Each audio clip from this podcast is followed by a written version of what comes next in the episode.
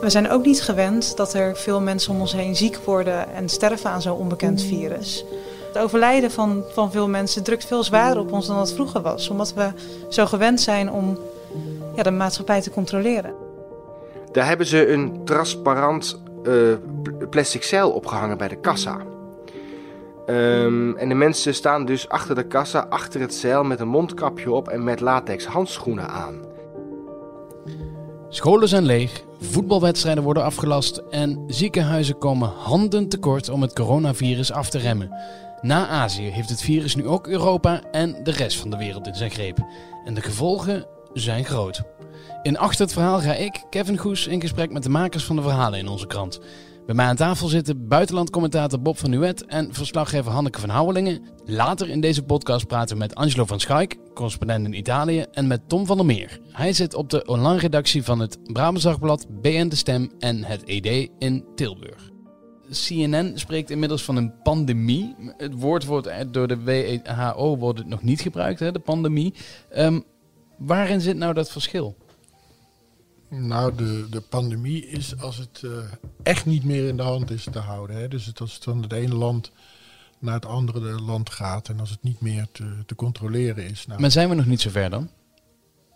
Nee, volgens de Wereldgezondheidsorganisatie nog niet. Ik bedoel, elk land pakt het op zijn eigen manier aan en dat werkt dan beter of minder. Maar het is nog niet zo dat het, uh, ja, dat het totaal losgeslagen is en dat het over de wereld uh, raast. Nee, maar het, het, grijpt wel snel om zich heen.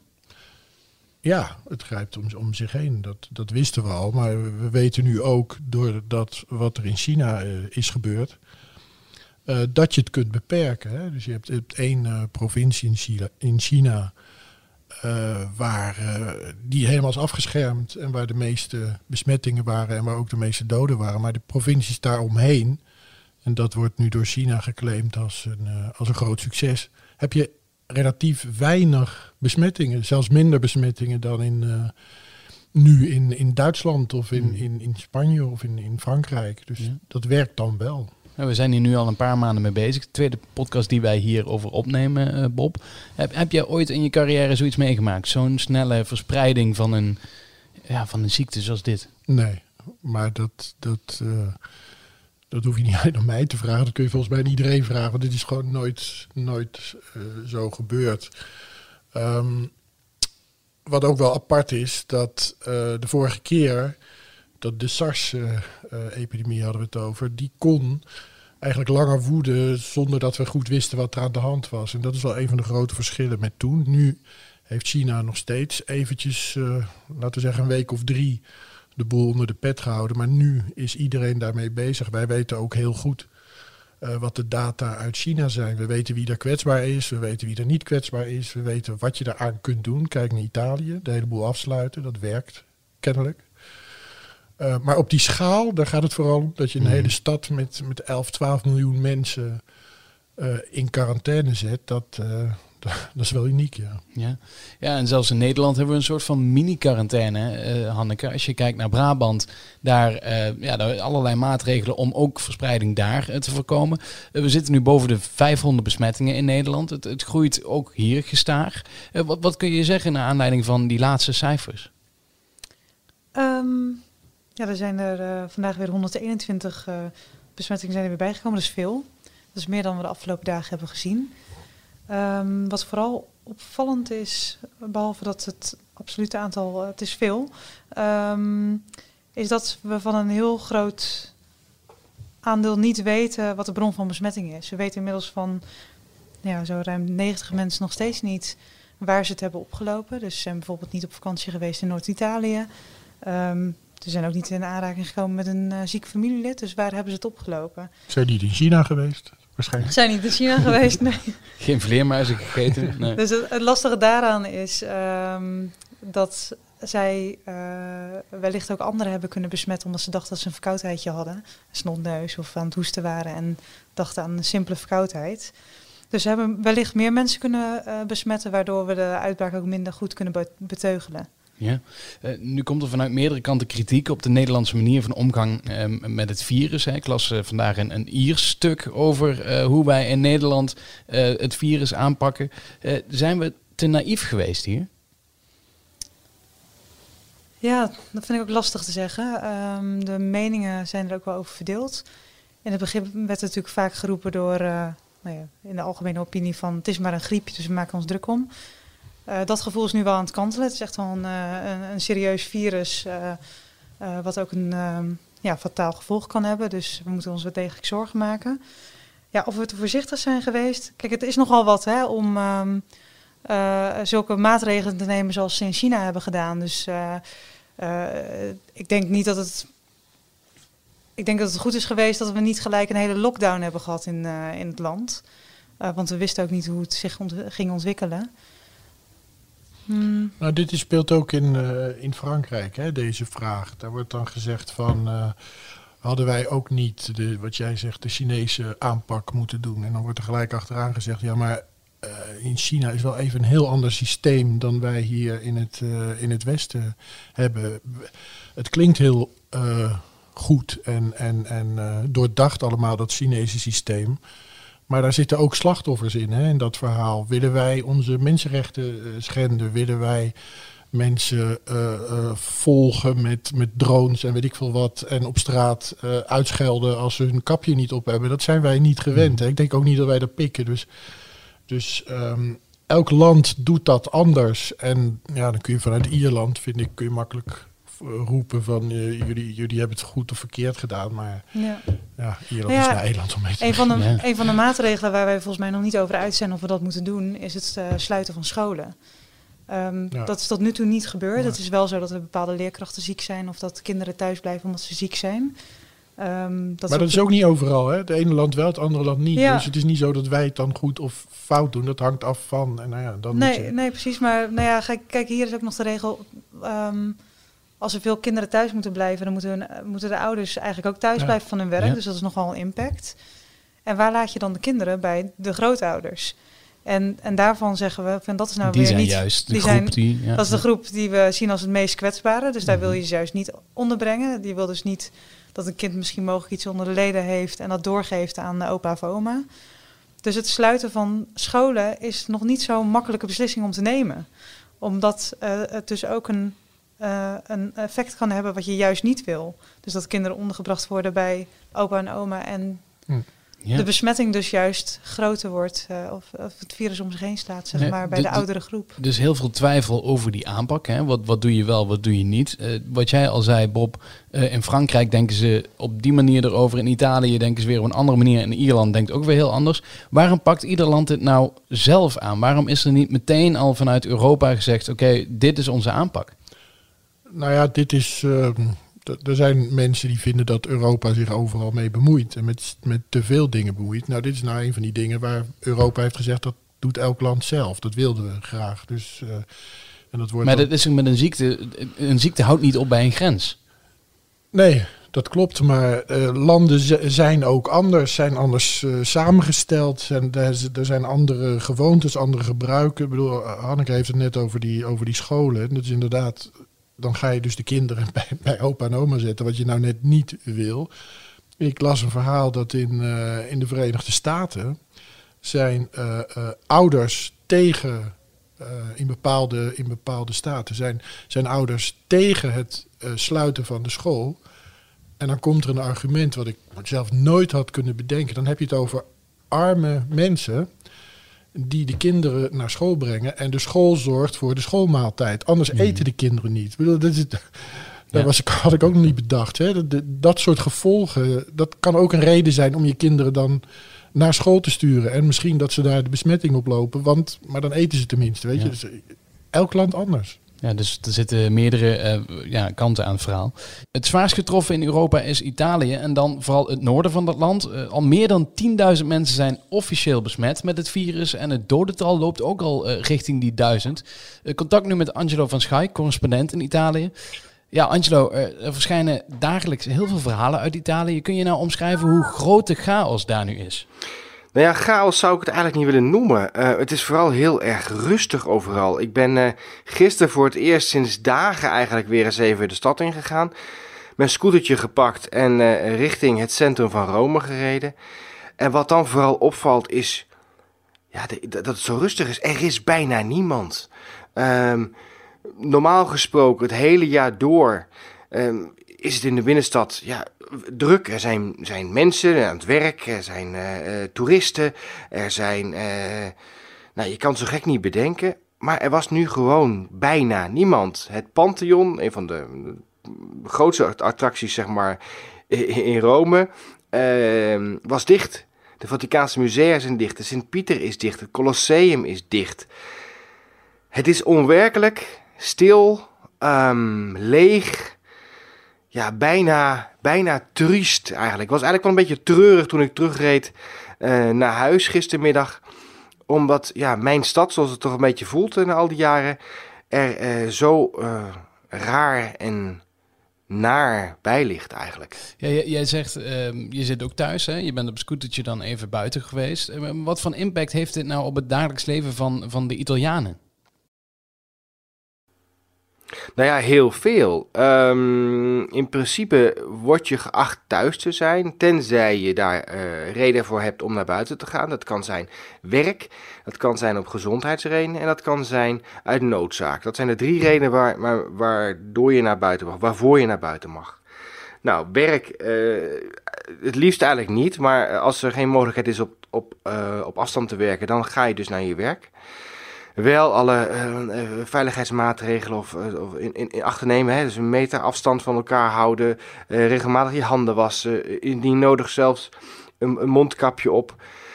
Maar liefst moet je dus thuis werken. Ehm, nou, als je naar de apotheek of naar het ziekenhuis moet, dan, heb je daar, dan mag dat in principe. En noodzaak, dat betekent ja, boodschappen doen. Ehm, bij de supermarkt, die, dat mag wel, ja, je moet toch eten. Eh, wat je ziet bij de supermarkten is nu dat er buiten de supermarkten rijen staan. Dat, dat mensen buiten in de rij staan. En dat er dan op een gegeven moment. ehm, dan zegt het personeel: U mag nu naar binnen. En dan gaat er dus één iemand in en één iemand uit. Oftewel, er moeten niet te veel mensen tegelijkertijd in de supermarkt zijn. En de mensen die buiten staan hebben vaak een mondkapje op. Ehm, bij de buurtsuper hier- waar ik, eh, waar ik gistermiddag ook nog even was om snel nog een boodschap te doen.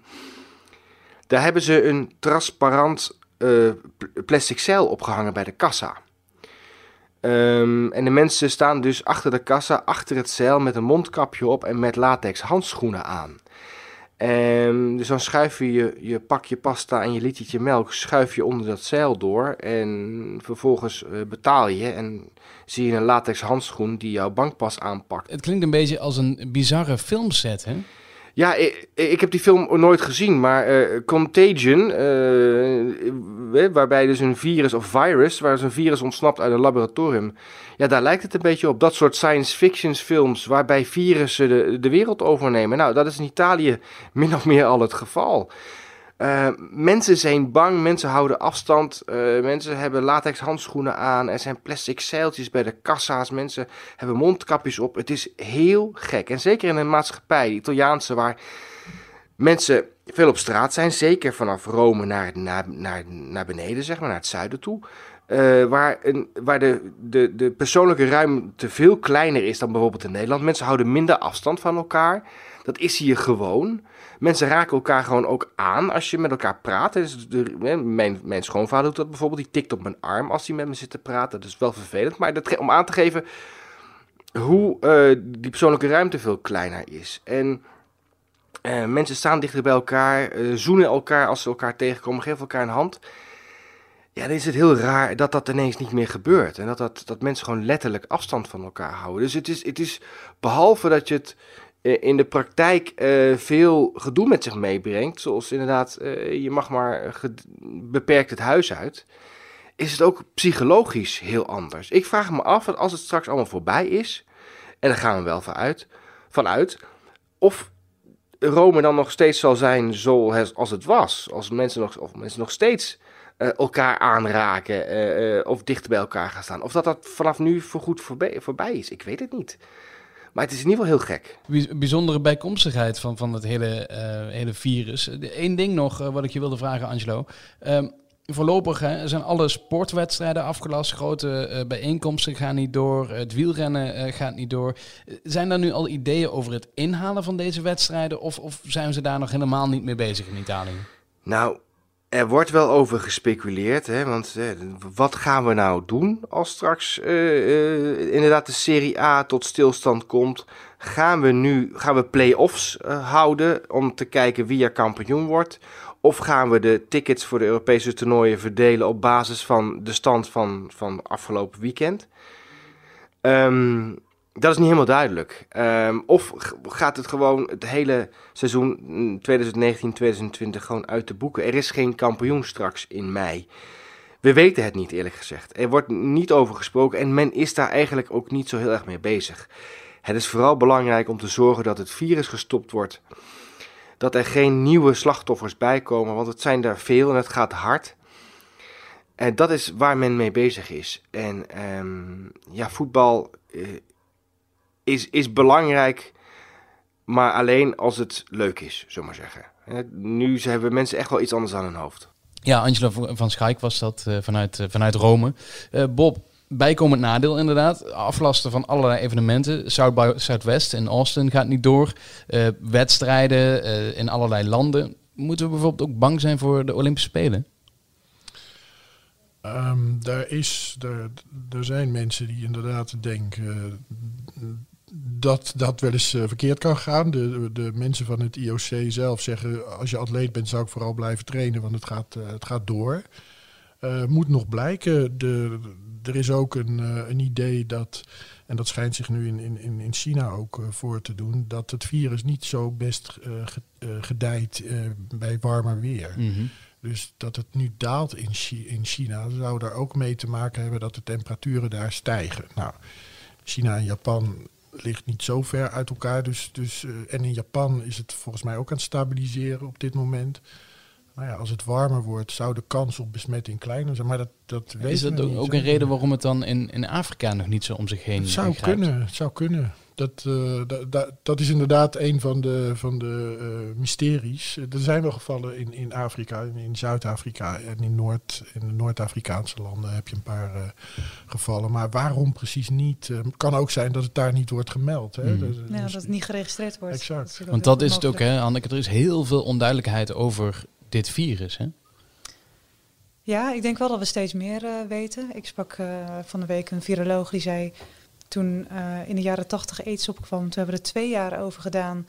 om te achterhalen wat we het eigenlijk precies over hadden. We dachten zelfs dat er eh, mensen misschien immuun waren tegen sperma. Dat, eh, weet je wel, de gekste dingen werden erbij om te verklaren waar al die mensen dood aan gingen.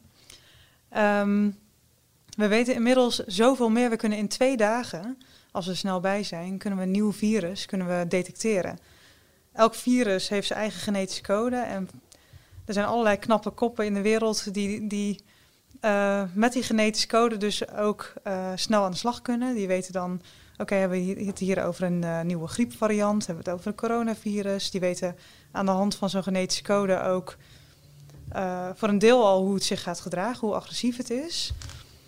Ehm, en ze kunnen met, aan de hand van dat erfelijk materiaal dus ook veel sneller dan vroeger beginnen met vaccinontwikkeling. Ja, en, en veel korter erover doen, hè? Geen tien jaar meer. Nee, ja, gemiddeld duurt het nog wel een paar jaar. Eh, we horen nu geluiden vanuit China dat ze zeggen van nou de eerste vaccins eh, zijn eh, in april al op de markt. Ja, en die testen meteen op mensen, hè? Ja, niet, het wordt niet gelijk op de markt gebracht, maar het wordt dan in, in studieverband zeg maar, op mensen getest. Klopt. Maar ook, ook wanneer ze testen bij mensen moet het natuurlijk veilig gebeuren. Dus er zijn eerst nog wel allerlei nou ja, clausules zeg maar, voordat je het op een mens mag testen. Gaan wij het dan zelf, als wij dat gebruiken, gaan wij het dan weer nog een keer testen? Of is, is dus de Chinese testresultaten zijn genoeg? Ja, voor zover ik weet eh, moeten wij in Europa altijd onze geneesmiddelen eerst eh, Ja. ehm, testen voordat wij het kunnen gebruiken voor bijvoorbeeld de Nederlandse bevolking. Ja. Ehm, dus je kunt niet zomaar iets Er zitten transporteren wel uit andere een eisen aan. Je kunt niet zomaar een vaccin importeren en eh, dat eh, eh, loslaten op je eigen bevolking. Mhm. Wat ik zelf wel heel aardig vond, ik sprak van de week een viroloog en ik zei van, goh, hoe ehm, vind je nou zo'n nieuw virus? Hè? Wat ik dus niet wist, is dat virologen eigenlijk ehm, een soort hobby op nahouden. En zij zijn eigenlijk het hele jaar door, dus nog even voor deze coronacrisis, zijn ze bezig met eh, het vinden van nieuwe virussen. hebben ze ook allerlei systemen voor. Ze beginnen hun dag ook niet met teletext, maar met websites waarop ze de opkomst en ondergang van virussen zien.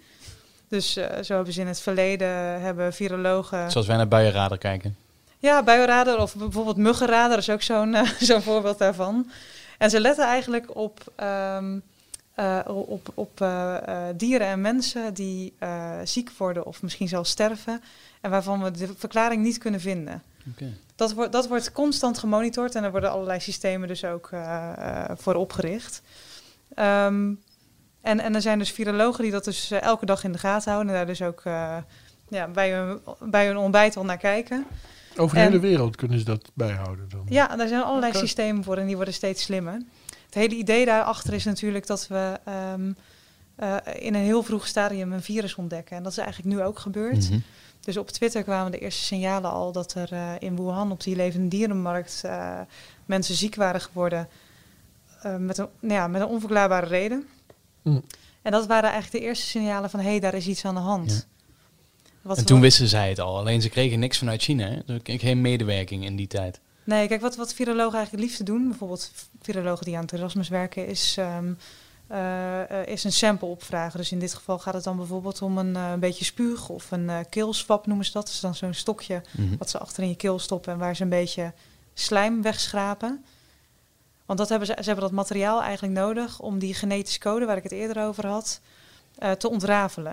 En als je de genetische code weet van een virus, dan kan je ook een vaccin gaan ontwikkelen. Um, maar en, dat gaven en, ze niet. En, dat gaven ze niet. Nee, nee, want de Chinezen zijn in eerste instantie. En zo heb ik het me laten vertellen van... Uh, ja, we zien dat het virus eigenlijk in het laboratorium helemaal niet zo goed groeit. Dus het zal allemaal wel meevallen. Mm -hmm. Nou, daar zijn ze natuurlijk wel van teruggekomen. Dus na een paar weken is uh, die genetische code naar buiten gekomen.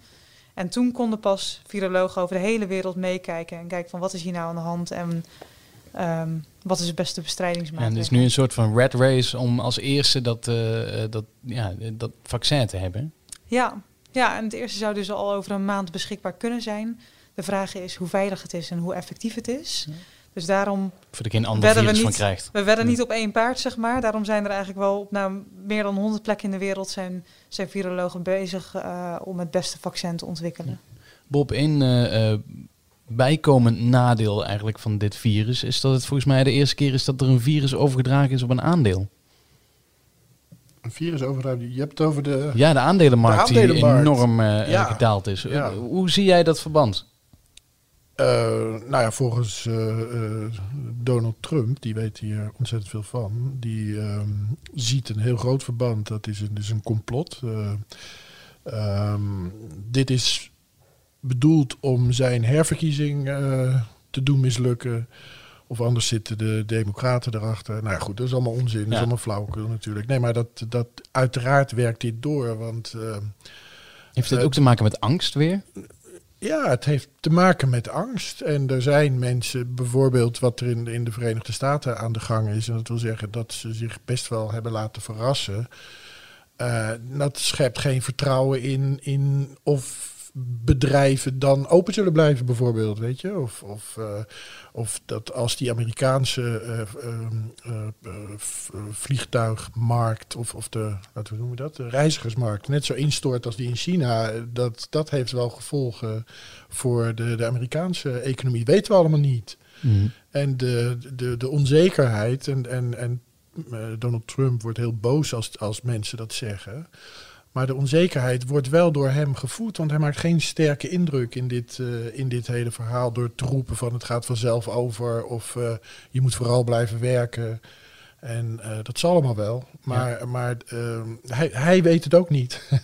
en dat kan dus, die, die, economische crisis, die, die hangt echt wel als een, als, een, als een zwarte wolk boven ons ook in Europa. De regio die in Nederland het zwaarst getroffen is, is Brabant. Uh, mensen met lichte klachten worden aangeraden om thuis te blijven en bijna alle evenementen zijn daar voorlopig opgeschort. In Tilburg op de online redactie van het Brabants Dagblad, BN De Stem en het Eindhovens Dagblad zit uh, Tom van der Meer. Ja, Tom, jij bent dus wel op je werk. Uh, geen klachten? Nee, nee. En anders had ik hier ook niet mogen zitten. Want iedereen die ook maar de lichte klachten heeft, heeft die werkt thuis bij ons. Um, we hebben maar een uh, klein team van een aantal mensen die uh, echt vol op het coronanieuws zitten. Hier uh, op de redactie werken. En wie thuis kan werken, werkt vanuit huis. Ja, hoe, hoe, moeten we dat nu ons voorstellen, Brabant? Lege straten, lege kroegen, gesloten winkels. Hoe, ziet het eruit daar?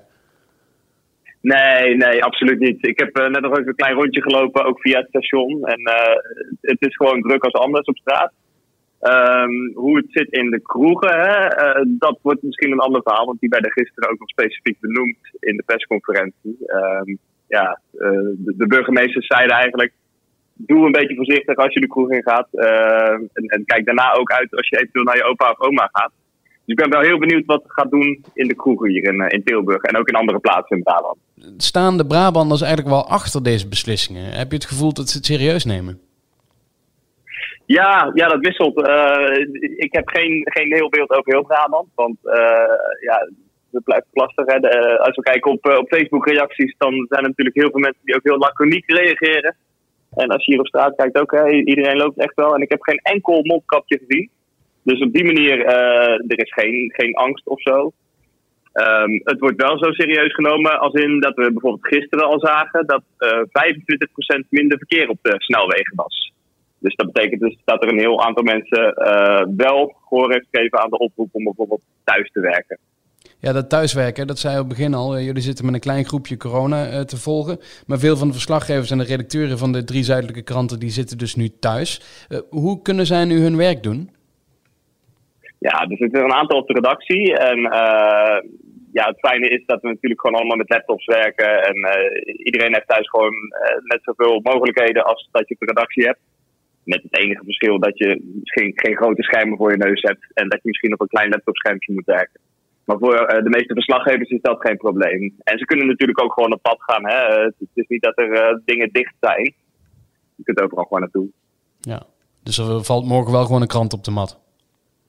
Oh, zeker, zeker. En we hebben zelfs nog eventueel, uh, mochten nou echt bijvoorbeeld geen mensen naar de redactie meer toe kunnen komen, hebben we een soort van uh, uh, extra computers achter de hand. Die kunnen per courier naar mensen thuis worden gebracht. Uh, waardoor bijvoorbeeld ook vormgevers die, die toch wel speciale apparatuur nodig hebben. Die kunnen dan ook vanuit huis gewoon de krant vormgeven. ja, de opties zijn er allemaal, gelukkig. Goed Tom, dankjewel. Uh, ja, Hanneke, we hoorden uh, Tom inderdaad praten over hoe mensen in, in Brabant denken over uh, alle maatregelen die genomen zijn. jij hebt met een psycholoog gesproken over dit soort maatregelen, die soms wel een beetje draconisch zijn. wat, wat zegt hij erover? Ja, deze psycholoog ging eigenlijk vooral in op het feit waarom we nou massaal in, eigenlijk um, in paniek raken of ons zo zorgen maken. En hij zei, het heeft iets te maken met onze controledrang. Wij zijn in de laatste honderd jaar natuurlijk steeds beter geworden in het terugdringen van verkeersdoden, het bestrijden van tumoren. Uh, we hebben de kindersterfte naar beneden uh, laten gaan. Um, dus we hebben heel veel dingen in de hand. Uh, we hebben een heel controleerbare maatschappij gecreëerd. en wat die psycholoog zei is, we zijn eigenlijk nog nooit zo veilig geweest, maar we zijn ook nog nooit zo bang geweest. Hij zei, we zijn het... We zijn um, dingen die ons verrassen, zoals zo'n coronavirus, zijn we eigenlijk niet meer gewend. En hmm we zijn ook niet gewend dat er veel mensen om ons heen ziek worden en sterven aan zo'n onbekend virus. Um, dus het sterven wordt, drukt ook veel zwaarder op ons. Het overlijden van, van veel mensen drukt veel zwaarder op ons dan het vroeger was. Omdat we zo gewend zijn om ja, de maatschappij te controleren. Maar wat is dan het verschil? Ik bedoel, in de vorige winter gingen er ook mensen dood aan de, aan de griep misschien gewoon. Maar, maar we zijn nu extra bang omdat het uit China komt. Zo, ja, de griep, ver weg. De griep kennen we al en daar kunnen we ons tegen, voor een deel tegen inenten. Ja. Um, ja, dus dat is een bekend verschijnsel. Daar zijn we natuurlijk ook niet blij mee. Um, maar dit komt er nog eens bovenop. En we weten ook niet hoe groot het gaat worden. Dat maakt het nog eens extra Ja, want dat, dat, is natuurlijk, hè, Brabant, daar had ik het net over met Tom. Uh, dat is al een beetje afgesloten van de buitenwereld. Maar kunnen wij, uh, moeten we verwachten dat het in de rest van Nederland ook zo gaat de komende dagen? Dat er meer regio's bij komen die um, op slot gaan? Ik denk het wel. Ja, op slot gaan is het nog niet echt. We mogen natuurlijk nog wel reizen. Hè. We mogen gewoon Brabant uit. En, uh, uh, maar ik denk wel dat de maatregelen worden aangescherpt. Ik denk dat het nou ja, in deze dagen duidelijk zal worden, of dat er een oproep zal worden gedaan dat we meer moeten thuiswerken. Dat uh, we moeten proberen om onze sociale contacten te beperken. Dus misschien minder naar de kroeg. Niet naar Ajax? Niet naar Ajax, nee. En, ehm, en ik denk dat er ook meer sportevenementen afgelast zullen worden. Bob, laten we toch proberen om dit op een eh, goede manier af te sluiten, deze podcast. Want je begon al een beetje over China. Het loopt daar terug, het aantal nieuwe gevallen. Ja. Ehm, is dat een, een, een beeld dat, dat, we gaan, dat we overal gaan zien? Dat het ook in Italië terug gaat lopen? Dat het ook, eh, oftewel, is het alweer een beetje op zijn retour? Ehm, in Azië wel. Behalve China heb je Singapore, ehm, Zuid-Korea en Japan. En die eh, werken allemaal tegen de piek aan, is de verwachting. Dus dat gaat eh, minder worden. En dat zou dan ook weer in combinatie met die stijgende temperaturen zijn. Zou kunnen misschien dat het hier, omdat het hier ook sneller warm, dat het niet zo lang duurt. Kan, kan ook nog. Hè? En wat, wat nu geprobeerd wordt, is ehm, eh, het aantal eh, ziektegevallen in te perken.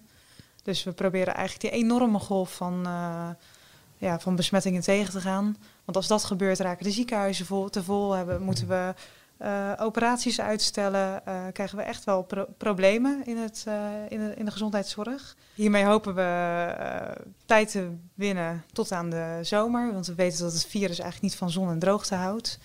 Dus stel dat het virus in de winter terugkomt, dan hebben we nog voldoende tijd om allerlei maatregelen te nemen. Zoals extra bedden, het regelen van extra personeel en misschien een ander beleid. Dit is eerder gebeurd, hè? We hadden de, de Spaanse griep eh, hadden we ooit. En volgens mij in 1918, als ik me niet vergis. Was jij bij toen? Ja, dat, eh, koud was toen. Maar in ieder geval, eh, toen, ehm, toen hadden we ook in de winter hadden we, veel, veel besmettingen. En toen kwam die zomer eroverheen. En toen dachten ze, dit is het.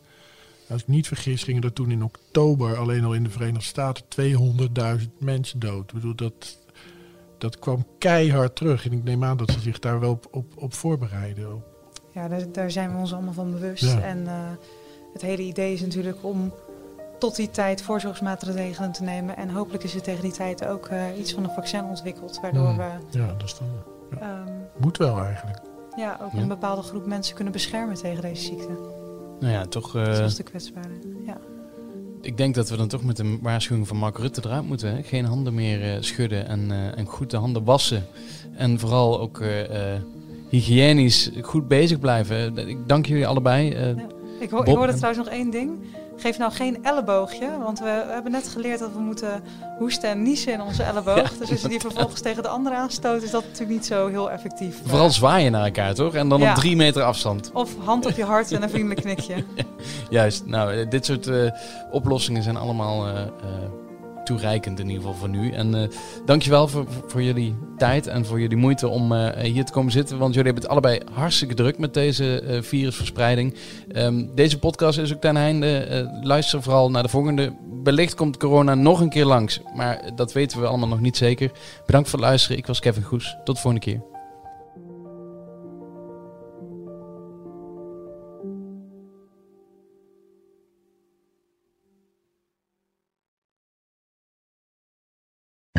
Wereldnieuws gaat ons allemaal aan. Maar als het nieuws gaat over je stadje, je buurtje of je straatje, dan voel je, dit raakt. Daarom lees je in het AD alles over het nieuws in de wereld, Nederland en jouw regio. Download nu de AD-app en mis nooit wat voor jou belangrijk is. AD, altijd dichtbij.